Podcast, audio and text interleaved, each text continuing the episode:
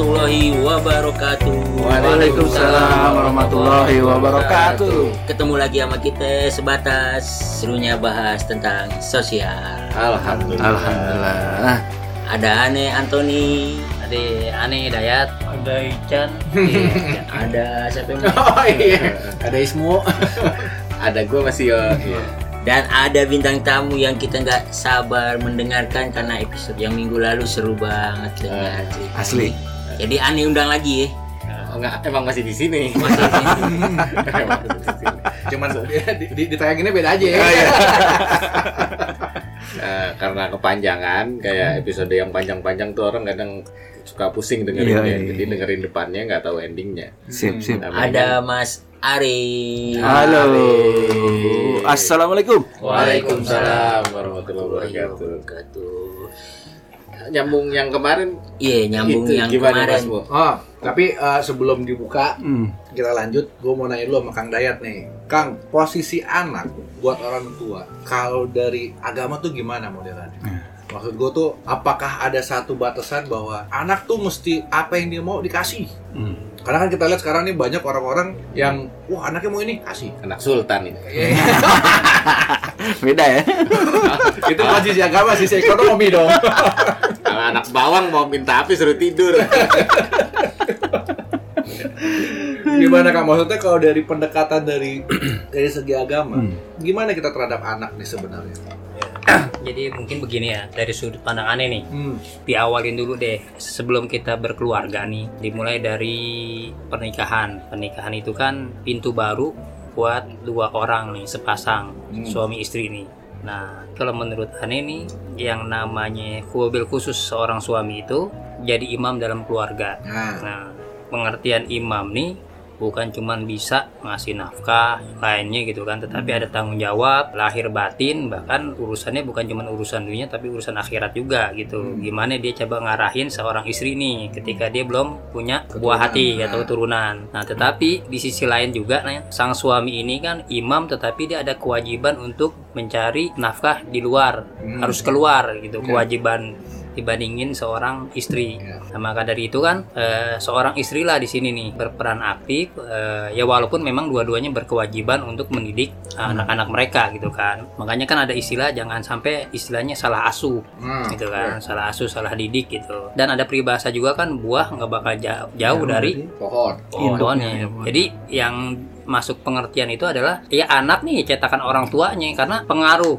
Hmm. selain dari internal dari orang tua nih dari rumah dan, dan lingkungan gitu jadi orang tua nih sebenarnya bukan cuma seorang suami bisa nafkahin atau seorang istri bisa berkewajiban patuh terhadap suami Hmm. tetapi mereka juga punya peran penting di sini bagaimana ngebina keluarga yang sakinah mawadah warohmah ya kan tetapi ujung-ujungnya ya berkaitan antara suami istri dan anak nih Oke. Nah, gimana cara nge- nge- ngasuh anak ini ya minimal kalau dari sudut pandang agama ya kita lebih cenderung ke akhlak Ya. gitu kan nah tetapi kan mungkin kalau di sini kan bahasannya kan saya juga belum apa belum terlalu eh, tahu nih masukan dari apa namanya secara apa sih psikologi Iya. secara ini tetapi sebenarnya kewajiban buat ngedidik anak seorang istri atau seorang suami yang pada akhirnya jadi seorang bapak, seorang ibu, maka berkewajiban memiliki ilmu yang bukan cuman kita bisa raih di sekolah. Tetapi kan dari sini kita bisa satu ya kalau dari sudut pandang agama ya otomatis kita arahnya nih anak gimana caranya biar akhlaknya bagus. Yang kedua juga kan pasti harus bisa pendekatan batin ke anak tuh harus gimana. Nah, Jadi intinya kalau menurut Ani pribadi seorang bapak dan seorang ibu bukan cuman itu tetapi apa sih namanya jangkauannya luas banget. Dia harus bisa segalanya demi ngedidik anaknya gitu loh. Jadi harus banyak menguasai ilmu lah. Ya karena anak itu sendiri kan investasi yang paling berharga. Iya kan? betul. Betul, betul. Nah, di anak itu ada satu potensi amal jariah. Betul. Karena Rasulullah sendiri pernah bilang orang yang mati terputus darinya kecuali tiga hal. Tiga hal. Salah satunya anak yang soleh. Suara, suara. Nah, gedidik membangun satu investasi ini, anak yang soleh ini, ya kalau bisa sih serius biar ada jariah yang berjalan ketika kita udah nggak nggak bisa beribadah lagi. itu Nah, menarik tuh Mas Yo. Eh, sebelum gua masuk ke apa Mas Ari, Hmm, orang kan taunya kan doa anak yang soleh, betul. ya. Cuman doanya doang. Jadi berarti gua ngebayangin nih kalau anaknya pas gua udah meninggal, anak gua nih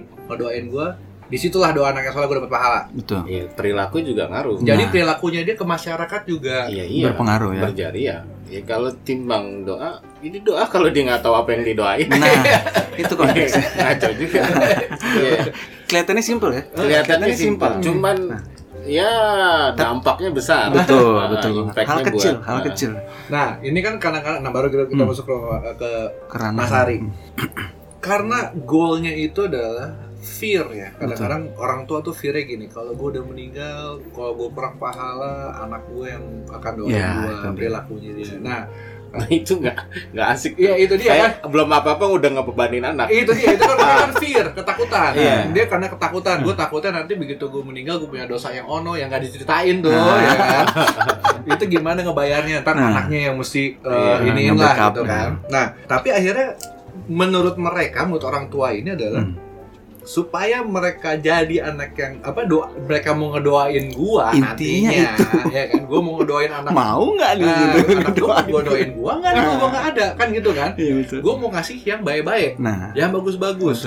Tapi kan permasalahannya sekarang adalah belum tentu yang menurut lo bagus itu bagus. Betul. gitu kan? Nah jadi akhirnya sekarang baru kita masuk ke dua pertanyaan gue kemarin. Oke. yang pertama adalah Itu juga gantung tuh Masmu tuh. apa tuh?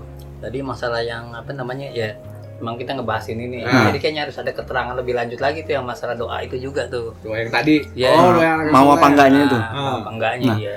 Sebetulnya itu dia kembali ke konteks sih kalau menurut Anda. Jadi yang tadi Anda bilang dari hal kecil aja Hmm. yang kita anggap itu sepele gitu ya. Tapi kadang-kadang kita acuh gitu kan. Ah. Nah, mungkin maaf maaf juga bukan bukan aneh menyalahkan eh, didikan orang tua kita dulu atau ada tabiat atau kebudayaan yang menurut kita itu hal biasa. Mhm. Tapi ternyata di balik itu faedah dan manfaatnya kalau kita lurusin, kalau kita benerin akan luar biasa hasilnya gitu loh. Oh, Itu yang aneh mau cari di ya situ kita mau, sebetulnya. mau digali Betul. gitu. Oke, berarti kita masuk dulu Kang Dayat ya. Nanti kita mau ngomongin dua anak yang soleh setelah Nah. kita masuk si Mas Ari dulu. Nah, Mas Ari, Oke. pertanyaannya adalah sebagai orang tua, Hmm. tanda-tandanya apa nih? Oke. Kalau ternyata ini anak Ada sedikit nggak bener. Oke, ada Gitu, sedikit jangan-jangan nggak benar kayaknya Iya, negatif kayak- banget ya. iya, kayak Kacau banget. Ada Iya, sedikit yang perlu diperhatikan lebih lah gitu Nah, maksudnya. iya. Jadi kesannya kalau kalau nggak bener negatif jatuhnya. Iya, betul. Jangan deh hal kecil itu aja deh misalnya dari simpel eh, cerita nih. Misalnya anak kita makannya berantakan. Mhm. Kelihatannya sepele ya. Nah, Oh, jangan salah. Itu bisa ke bawah sampai dia tua nanti kalau memang kebiasaan itu di diemin gitu. Nah, cuman kan bagaimana kita menanggulanginya agar nih anak jangan tersinggung, agar nih anak jangan ngerasa salah mhm. perbuatannya, tapi harus ada yang dibenerin gitu. betul. Ah. Nah, jadi hal-hal yang ini nih kadang-kadang kita yang ah udahlah biarin aja deh.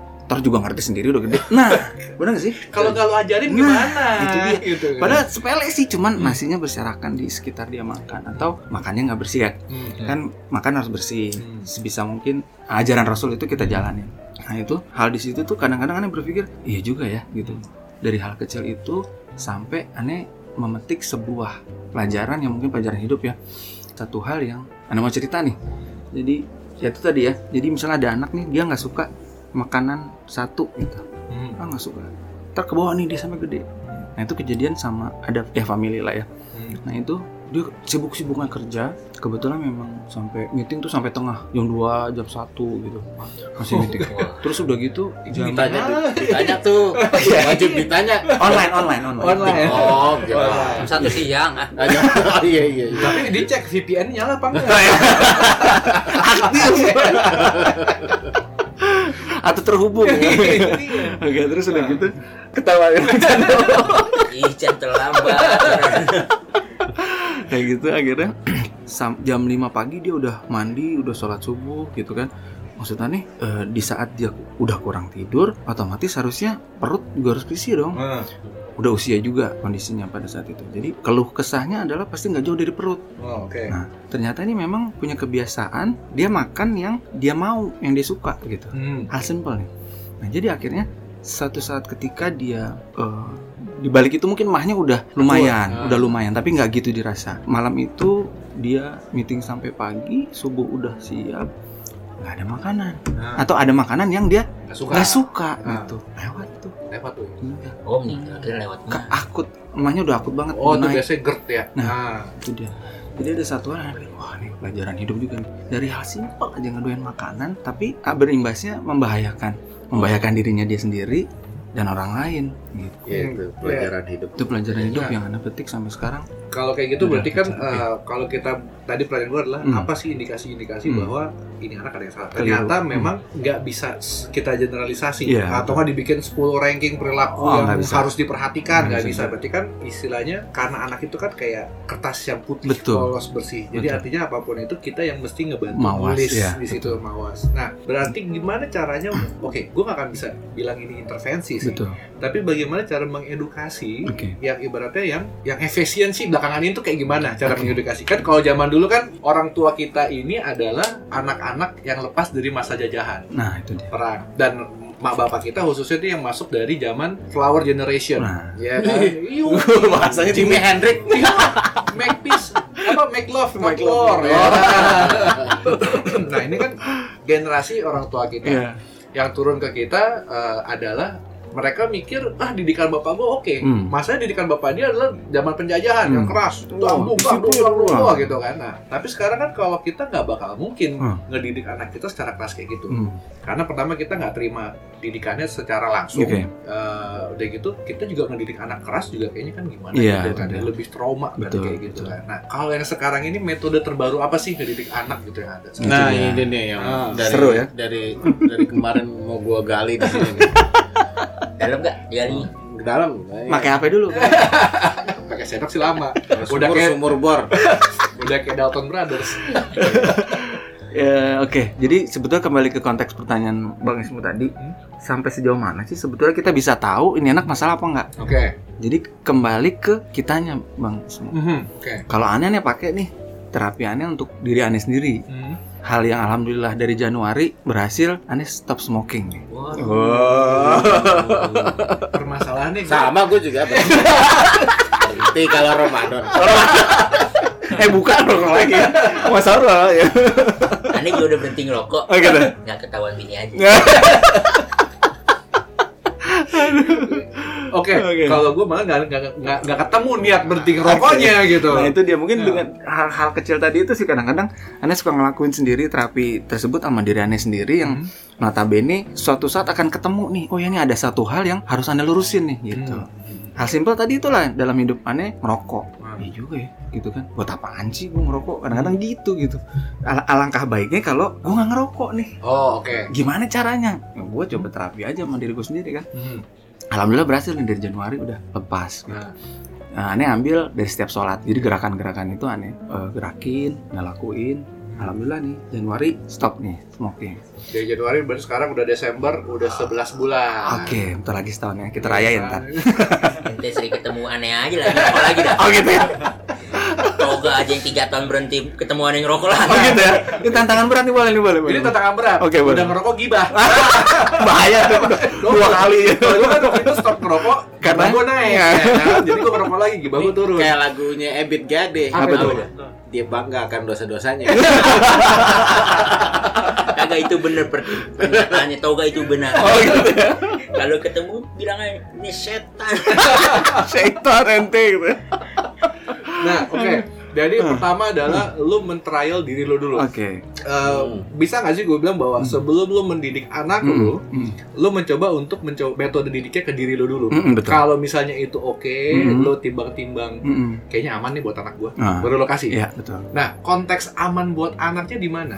Ini kayak misalnya Ah. berhenti ngerokok kan nggak mungkin. Eh lo Oh, berhenti iya. ngerokok, berhenti ngerokok, kan gitu kan. Tapi ini amannya tuh di mana kalau kayaknya cocok deh buat Hmm, anak gue. nah itu dia. Jadi nah dengan dengan terapi itu sendiri nih, karena otak kita bersinergi, Mhm. insya Allah pikiran positif kan. Nah, Nah, ngelihat hal yang negatif ke anak kita, ke diri kita gitu, ke orang lain lah. Insya Allah manfaatnya ada tuh di situ. Oke. Nah, itu baru kita ketemu nih. Hal sepele lagi tadi kayak makanan nggak doyan makan. Terus simple lah, anak-anak yang kecil tuh nggak doyan sambel misalnya, nggak suka pedes. Mhm. Nggak ada salahnya lo kita coba. ntar ketagihan deh. Eh benar ketagihan tuh sekarang. Oh. Nah, hal-hal yang kelihatannya sepele lah gitu. Karena itu kadang-kadang suka suka ngegelitik yang ini sepele nih. gitu. Itu katanya kalau doyan nyambel mulutnya lemes ya. Bisa aja itu. Nggak, jadi gitu. Tapi dari sebelum jualan sambal udah lemes. Jadi kita perbaiki diri dulu. Betul. Intinya. Nah, sekarang nih, Hmm. kan kita berproses ya. Mm-mm. Kita dari nggak baik ke baik. Betul. Ada karakter-karakter nggak baik. Ini anak-anak sini udah tahu sih. Pas gua, Nggak usah diceritain ya. Bang Anton, Uh-uh. Kang Dayat tuh udah tahu gue itu kompleks. Karakter gue macam-macam Mm. bikin pusing anak gue. Nah gitu. Gimana caranya ngejelasin ke anak gue, bro, bapak lo karakternya Begini. unik. Mm-mm. Kadang begini, Kadang kadang, begitu. begitu. Ngejelasin ke dia Mm-mm. supaya nggak usah pusing lah. Nah, Terima bapak lo Apa adanya. adanya. Ini namanya orang tua memaksakan kehendak. Oh iya. Ya kan? Oh, anak tua ngerti. Nggak maksudnya Otoriter, Kan- Anda, otoriter. dari awal tuh gue banyak salah. Ah, Terus oke. Dengerin Mas Ari Ah. dapat ilmu baru. Hmm, Akhirnya gue memperbaiki diri. Hmm. Oh, bukan istri baru bukan? kenalan gitu. Ini kita nggak bisa denger reviewer kita tuh kita cek siapa tahu-tahu bini lo kan nggak Enggak, gue ngejelasin cara cara gue ngejelasin ke anak gue gimana caranya cara gue ngejelasin ke anak gue kalau gue tuh berproses Hmm. dan gue masih terus belajar gue bakal nemuin kesalahan-kesalahan lagi dan gue Hmm. bakal dia bermasalah Oke. terus Oh, sampai sayang. Ah, Berarti ah, mungkin betul. bahasa seperti apa yang perlu Mas Iyo gunakan Oke. untuk menyampaikan Hal itu gitu. hal ya? itu, Oke. ah, intensi tersebut. Oke. Pernah nggak nih kalau dari ente ente cerita kejelekan ente dulu zaman sekolah ke anak-anak ente? kalau yang dark enggak Jangan. terlalu dalam itu. Kalau itu sih kita udah sepakat rahasia sampai mati. Tapi binannya tahu sih. Oke. Tapi nggak tahu dong yang minyak wangi belamnya mana. Jadi intinya adalah eh, ya itu tadi hal yang simpel aja ya. Anda juga sering cerita misalnya gini, "Pak, tadi aku nyontek ulangan." Hmm, berapa nomor? Anda bilang gitu kan? Nomor 17 sama 19. Habis ragu-ragu. Oh, sama. Papa juga udah suka kayak gitu. Iya iya hal yang simpel tuh gitu. Iya. Cuman maksudnya eh, oh iya ya, bokap gue dulu gitu. Nah, tapi tapi setelah setelah itu kalau baru yang kita- itu lo cerita ya. Kalau yang di Lampung lo nggak cerita Jangan begitu. Nanti pendengar penasaran ada apa di Lampung. nanti langsung ini ya. Iya. itu episode berikut Masalah- nginbox Kiki lo ngapain di Lampung? Masalahnya kan kalau kita dengar dari ceritanya yang episode lalu, dengerin cerita episode yang lalu buat lengkap.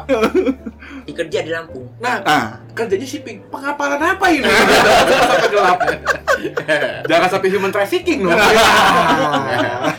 buat mancing aja pendengar. pendengar sebatas oke itulah keunikan bintang tamu di sebatas Oke. Nah, jadi gimana tuh? Metodenya apa gimana metode yang enak ngomong sama anak gitu? Nih, Ya. Mas Yo, tapi jelasin dulu ke Mas Ari, Hmm. anak lo umur berapa? Oke. anak gue 10 tahun kelas 5 SD Oke. laki-laki gamer aktif Mhm. banyak kegiatan aktif juga nah sama ada nggak seimbang yang kalau ada yang bilang tuh cara Sinkronize-nya ya. Iya, ngejelasin ke dia bahwa apa ya, zaman nggak harus Zaman gimana ya? papa. Iya, setiap zaman berbeda, eh, pola kehidupan juga Pikir akan berbeda, kehidupan berbeda. cara cari nafkah juga Iya, berbeda-beda. betul. Mas Jadi- Ari, lo boleh lo ngomong. Hmm. Oke, Mas Yo stop. Lebih dari ini gue cas. Kayaknya kedalaman nih. Iya, bener, Masih analisa. Gue colongan nih. analisa keilmuan nih. ya itu sih kembali, kembali ke konteks itu tadi Iya. aneh bilang sejauh ini sih aneh ngelakuin ngelakuin eh, sama juga hal seperti itu paham sih aneh sebetulnya maksudnya masih apa cuman dari segi dari segi bahasa mungkin masing-masing penyampaiannya atau pemahaman kan beda-beda nih. Dari Iya. kitanya sendiri anaknya juga beda juga penyam- apa pemahaman dan penyampaiannya. Nah itu kembali lagi ke kitanya terapi dulu diri kita. Hmm. sampai bener-bener ketemu tuh sinerginya ntar man Heeh, heeh. keucap tuh nyampe deh ke anak. Oh nah sampai itu anak bilang paham dulu nih kondisinya. Si anak bagaimana terus si orang tua bagaimana. Sehingga dia benar-benar paham yang oke peran peran bokap gua seperti ini saat ini gitu Tuh, gue ngerti lah lo nah peran peran ibu gue menyokap gue saat ini seperti ini gitu Hmm. Nah, jadi eh, di situ baru kita ngejelasin sedetail mungkin tadi yang Mas Iyo bilang. Jadi setiap zaman, setiap eh, generasi pasti ada perbedaan pola pikir, perbedaan eh, sosialnya kayak sekarang. Dulu mana ada game begini, belum mana ada handphone. Nah, Asli. komunikasi Sama komunikasi. dulu juga mana ada terapi kayak gini. Bisa aja nih Kang. Enggak bener kan. Ini kalau ada kayak Mas Iyo kemarin. Mana gelas air putih yasinin sipatin Iya. Iya. Iya. selesai Ah, jadi orang dulu tuh kayaknya semudah itu. Ah, Karena memang kehidupan zaman itu nggak sekompleks sekarang. nggak ada internet Jadi dari kita dulu ya. Betul. nah Iya. ya oke thank you Mas Yo Hmm. Eh, gua lanjut lagi nih ya Oke. Iya. ini gue dulu pernah dengar dari IB. IB. IB tuh dulu tuh di Mapaba ya, Chan ya. Heeh. Dia jadi Angkatan? angkatan berapa Chan? IB Chan. Atas. dua Oh, I- IB 92. Nah, IB itu pernah bilang sama gue waktu SMA dan itu gue pegang sampai sekarang. Dia bilang yang pertama adalah know yourself. Udah gitu, yang kedua adalah know your, eh, know the others, know others. Yang ketiga, Bahasa Indonesia nu. oh, ketahuilah dirimu sendiri. Nah. Oke. Yang kedua, ketahuilah orang lain. Oke. Iya. Yang terakhir adalah manage your emotion atau memanage emosi Emosi lo. kita. Kelola Kelola Kelola, emosi, ya. ya kan? Kelihatannya simple. Nah, Tetapi gimana caranya Saat- lo tahu diri lo sendiri? nah, itu dia. Gimana lo caranya tahu eh, Orang lain. orang lain? Dan yang ketiga gimana cara lo man- Manage. manage emosi lo Iya, gitu kan? Gue gak mau panjang lebar. Mhm. Ada nggak lo satu kalimat yang mungkin bisa dibilang kuncinya tuh ini loh. Untuk misalnya untuk tahu diri lo sendiri. Berapa nih? lo juga sih lo. Enggak, enggak, enggak. Ini sih sebetulnya. Kita jadi pendengar aja. Kita pengen tahu harga pasnya berapa. Gue endingnya aja dah. Ntar tinggal kita naikin dikit ya. Nggak, tapi emang Ri, buat masalah harga kayaknya jangan langsung di di sini ya. Kita pengen naikin untung di sini. 10% minimal. ya dikit-dikit ya. Ya, simpel sih sebetulnya. Hmm. Sampai detik ini juga kata-kata itu sering keluar nih dari mulut aneh untuk diri aneh sendiri ya. Anak-anak aneh gitu, istri aneh. Intinya keluarga sih nomor satu, baru untuk orang lain. Cuman satu, hidup ini buat orang lain. Wah, gue pikir hidupnya hanya sementara di Karnila. Hidup ini untuk orang lain. Coba lo Jadi mungkin bisa bisa nggak kalau misalkan sama aja ya hidup kita ini buat manfaat buat orang lain. Itu kuncinya. Oh, hidup ya. Biasa dilupa. Nah, itu itu dalam tuh. Itu dalam tuh. Jangan diajarin kata ya, gitu udah udah tahu itu kayaknya. Dan lu langsung yes. paham paham Enggak. Mas Yo, ini gue khawatir nih Mas Yo. Oke. Ari menemukan siner menemukan sinergi dengan Kang Dayat. Nah. Iya kan? Heeh. Gue khawatir ntar Kang Dayat jadi berapa nih mu sekarang? ya gue sama Pak Doi. kenapa, kenapa gue kemarin keke bawa Ari ke sini? Heeh. Karena Ari bilang, ya pokoknya kalau dapat customer lu gratis. Karena sebelum kita duduk nih malam sebelumnya dia berdua ketemuan. Lobby lobby. Kali kong ya. Harga yang disebut sini udah di luar harga. Terus dari sini taikin lagi ya. Dua kali dong. Enggak, tapi kenapa gue berani ngomongin kayak begini? Benar-benar. Walaupun lo kasih kuncinya se dan itu semudah mungkin orang bisa ngambil kayak gitu, Mm. gue tahu metode setiap orang bakal beda-beda. Betul. Lo bisa bilang bahwa hidup untuk orang lain, Betul. tetapi orang itu sendiri nanti bagaimana stepan dia untuk orang lain Betul. itu pasti akan berbeda dan Betul. itu akan bakal butuh bantuan orang Proses. orang bu- bukan hanya proses tapi yang mandu Hmm. Guide. guide Betul. karena apa ini kan eh, Bisa Indonesia dong. Pemandu. pemandu Kalau pemandu Jangan ngomong pemandu dong, gue suka bingung kalau pemandu. Pemandu lagi. Oh yang tunjuk-tunjuk di kaca ya. Aduh. Eh, aduh, jangan sama gua. waduh dia kaca sih Terapi anak bentuk kaca. Astagfirullahaladzim. Nah, maksudnya dia pakai layar monitor touchscreen. oh sekarang udah pakai touchscreen ya? Kita juga touchscreen. jadi eh, karena ini kalau kalau kalau dari pandangan gue ya Hmm. karena ini adalah eh, secara nggak langsung adalah memandu jiwa lu ya. Mm-mm, betul. Eh, sama aja kayak nggak usah mandu jiwa lu untuk Mm. mencari suatu hal yang Mm. lu pengen tuju. Mm-mm, Lu mau belajar agama aja mesti ada ustadz yang ngebimbing. betul. Karena kalau enggak lu bisa Salah. salah ke mana, Betul. lu salah Hmm. interpretasi apa Betul. segala macam. Dan guide ini kan tujuannya adalah, eh lu udah mulai keluar, lu mesti Betul. balik lagi segala Betul. macam. Jadi pertanyaan gue berikutnya adalah, Hmm. lu belajar di mana ini untuk menjadi Sampai sejauh ini. yang keren dikit tuh istilahnya soul guide. Wih. Wah, pemandu jiwa. Oh, dalam banget, dalam Say. banget. Aduh, ngeri. Naik harganya nih. Lama-lama nggak ngerti gue. Biasa bahasa Rusia. Nah, jadi gimana nih? Lu gimana, belajarnya gimana? Ketemu lu akhirnya lu Hmm. bilang, "Oh, oke, gua gua belajar ini." nih." Itu. Hmm. Ya itu dia. Jadi tadi kembali ke awal ya cerita dari si Anin itu. Dia bilang kan e, lo cocok nih jadi terapis dia bilang. Hmm.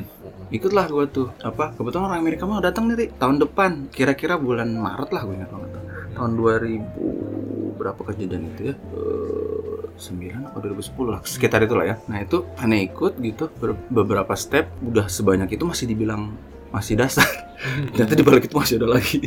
Cuman biayanya lumayan kan. Tapi alhamdulillah Aneh sempat ngenyam terapi itu dan nama Aneh bisa jadi terapis ada di websitenya mereka yang di Amerika sono katanya. Temen kita udah Mr. Eh, World. Secara nggak langsung alhamdulillah udah ikutin itu kan. Ada Nah. nama Jawa di website Amerika. itu dia tuh judo. alhamdulillah situ begitu. Nah sejauh ini nggak boleh Aneh sia-siain nih ya kan. Nah, Aneh pingin buat manfaat diri sendiri, keluarga, sama orang lain gitu. kan. Nah itu dia akhirnya Ana jalanin itu buat diri Aneh sendiri sampai nemuin manfaatnya, faedahnya apa sih nih gitu. Hmm. Ya Aneh temuin tuh beberapa sedikit selain sama diri Aneh sendiri ya sama Hmm. keluarga gitu. Nah ini ada Aneh buka terapis tadinya sama ya buat anak-anak lebih fokus belajar lah ceritanya di rumah. Nah itu ada kurang lebih 12 anak lah itu ya. Hmm. Waktu sebelum covid tapi. Nah. Nah itu akhirnya ada satu yang goalnya luar biasa gitu ya. Yang tadi itu anak dibawa ke rumah ngamuk-ngamuk nggak mau belajar matematik. Hmm. Aneh bawa, aneh ajak goalnya berapa nih kita biar buat apa namanya? Setting target. Ya Hmm. buat hadiah orang tua lah ngomongnya Iya. gitu positifnya kita kasih goalnya gitu. Yang tinggi-tinggi deh om. 80 aja gimana? Wah bagus itu bilang kan Serius nih om, oke serius Oke kita jalanin ya stepnya Oke kita lihat hasilnya 100 di rapot bro Lebih. 100 Oh iya. Apa? Di rapot loh Di rapat Ngelewatin 100. target Di ya? rapot 100 Orang tuanya sampai Wah makasih makasih datang Nah. Bawa sini deh bu rapotnya mana Kalau achievement di marketing ente bonusnya gede. Wah Dia tadi gitu-gitu dia. Kepo aja. Boleh boleh boleh boleh Nah, eh, oke. iya. Berarti lo dari tahun 2010 Hmm. ya. Hmm. Eh, dari 2010 lo udah buka istilahnya lo udah udah udah praktek Hmm, hmm, hmm. supaya gampang orang ini eh, memahaminya. Nah, Eh, oke, bukan 2010. Mungkin eh, lebih ke eh, gua dapat sertifikasi sertifikasinya itu udah berjalan di atas tiga tahun lebih lah. Maksudnya 2009 10 itu gua masih berjalan tuh. oh, jadi Belum- sekitar belum 2018 2017. sertifikasi. kurang lebih lah seperti itu. Oke, jadi ibaratnya nih lo sekarang nih certified, Aha, certified terapis nih Betul, ya untuk betul. metode brain gym. betul, Oke. Dan eh, saat ini lu melakukan terapisnya ini di rumah lu. betul, Ini rumah lu yang tadi di Bekasi kan? betul, betul. Nah, lo loncat dikit. Mm, Gue dulu kayak pernah ke rumah lo yang nongkrong di Ben Hill. betul, betul. Itu masih ada? Udah nggak ada bro. Udah nggak ada? Semuanya Satenya masih ada. nggak ada juga udah. Oh. Dua dua gerai itu tersisa satu gerai itu pun udah milik orang lain. Oh. Dari dari tempat sama eh, rasa itu kita jual udah semua. Oh, lo lepas aja ya Iya. semuanya. Oke, oke. Jadi sekarang lo fokus di Bekasi. Oke. Nah, untuk ngasih gambaran orang yang kira-kira tertarik dengan metode lo. Mm, Biasanya tuh stepannya itu dari mulai baru ketemu mhm. sampai setting eh, sampai yang tadi lo bilang, wah ternyata 100 nih, Iya. ya kan?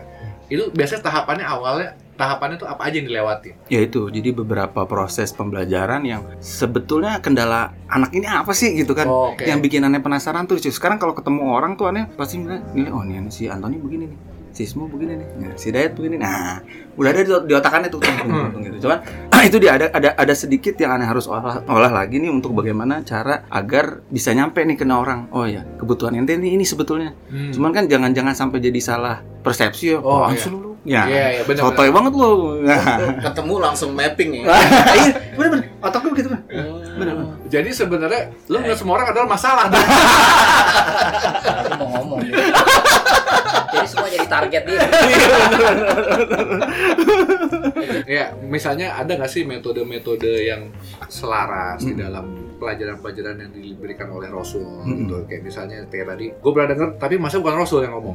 Yang ngomong tuh Ali bin Abi Thalib. Dia Hmm. bilang gini, didiklah anakmu tidak seperti bagaimana orang tuamu mendidikmu. Nah. karena anakmu dilahirkan untuk zaman yang beda. Nah, Ya. ada masanya. Ada masanya. Ada Nah, masanya dia gitu. Nah, tapi itu kan dia kan lebih ke praktek hari-hari ya. Mm, betul.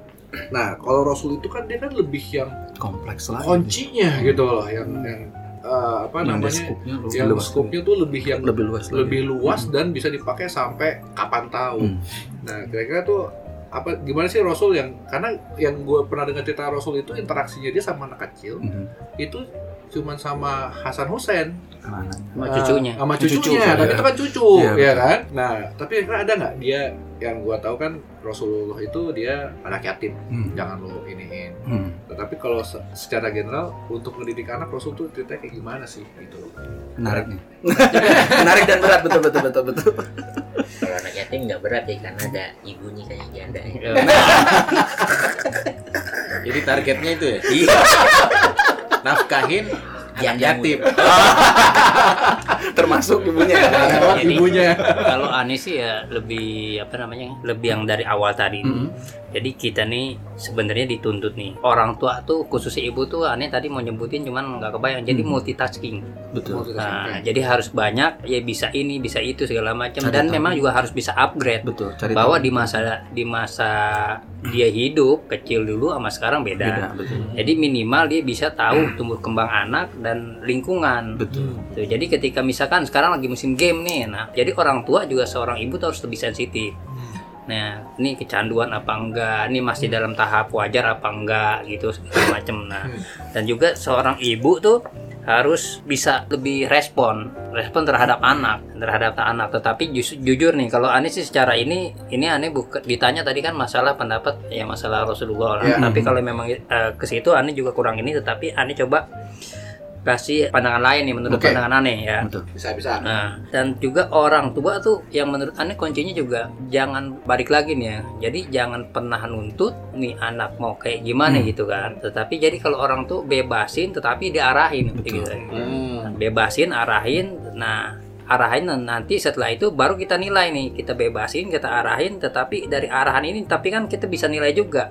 Misalkan beberapa dalam masa tertentu nih arahan kita sesuai belok apa enggak nih Oh. gitu jadi ya kurang lebih sih kalau menurut Ani tuh Ani lebih ke arah situ maksudnya lebih ke arah dari si ibu sama lingkungan lah oh lingkungan lingkungan dan uh, ama- sama karakteristik anak juga nih kita harus ngen- lebih ngenalin ke arah situnya Oh, Gitu. oke oke.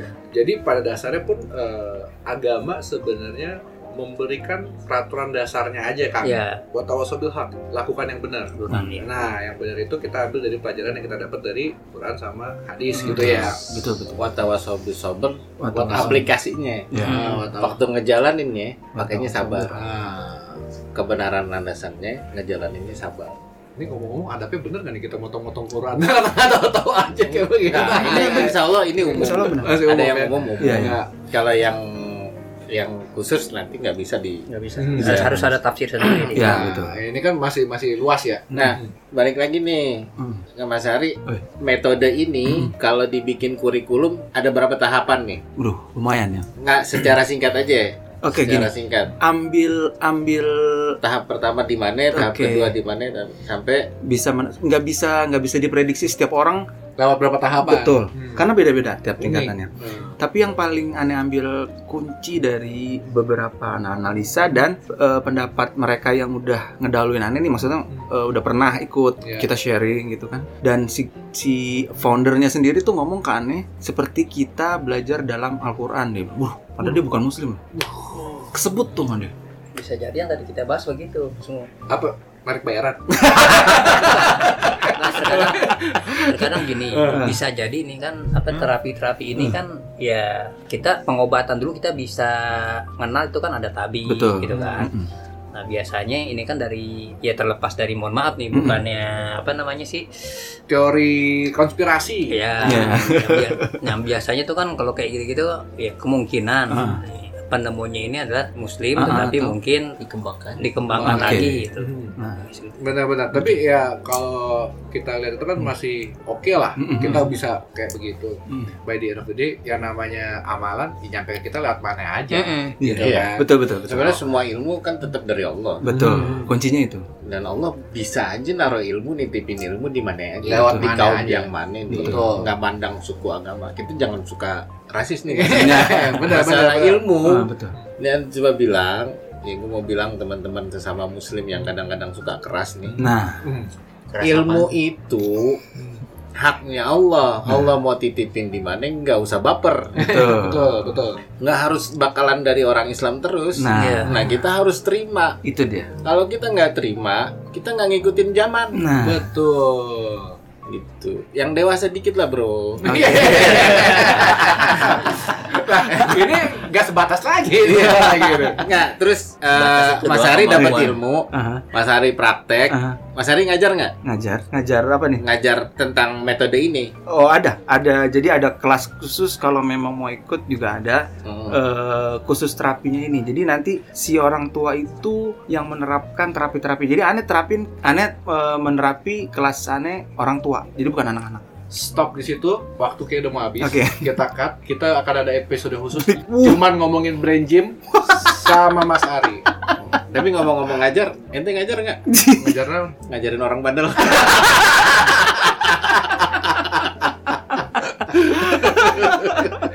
Iya.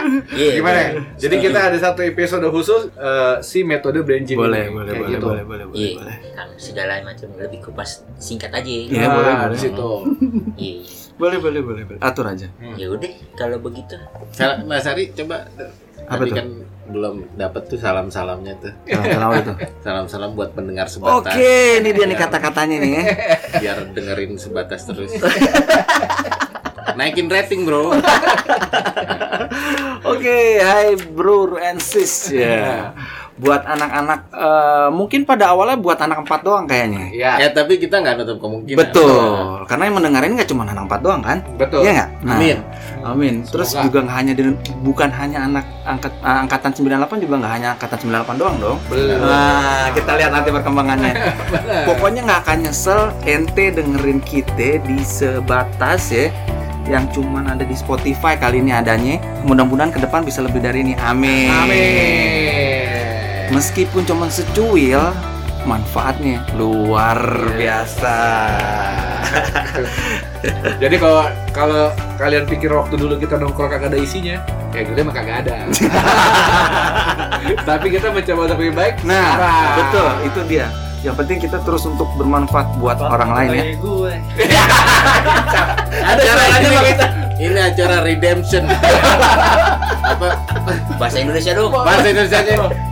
Kita mau nutupin dosa-dosa kita.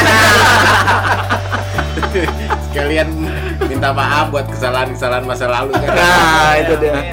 Amin. Mudah-mudahan tidak terjadi lagi ya. Aneh tutup. Wabillahi taufiq wal hidayah. Wassalamualaikum warahmatullahi wabarakatuh. Waalaikumsalam warahmatullahi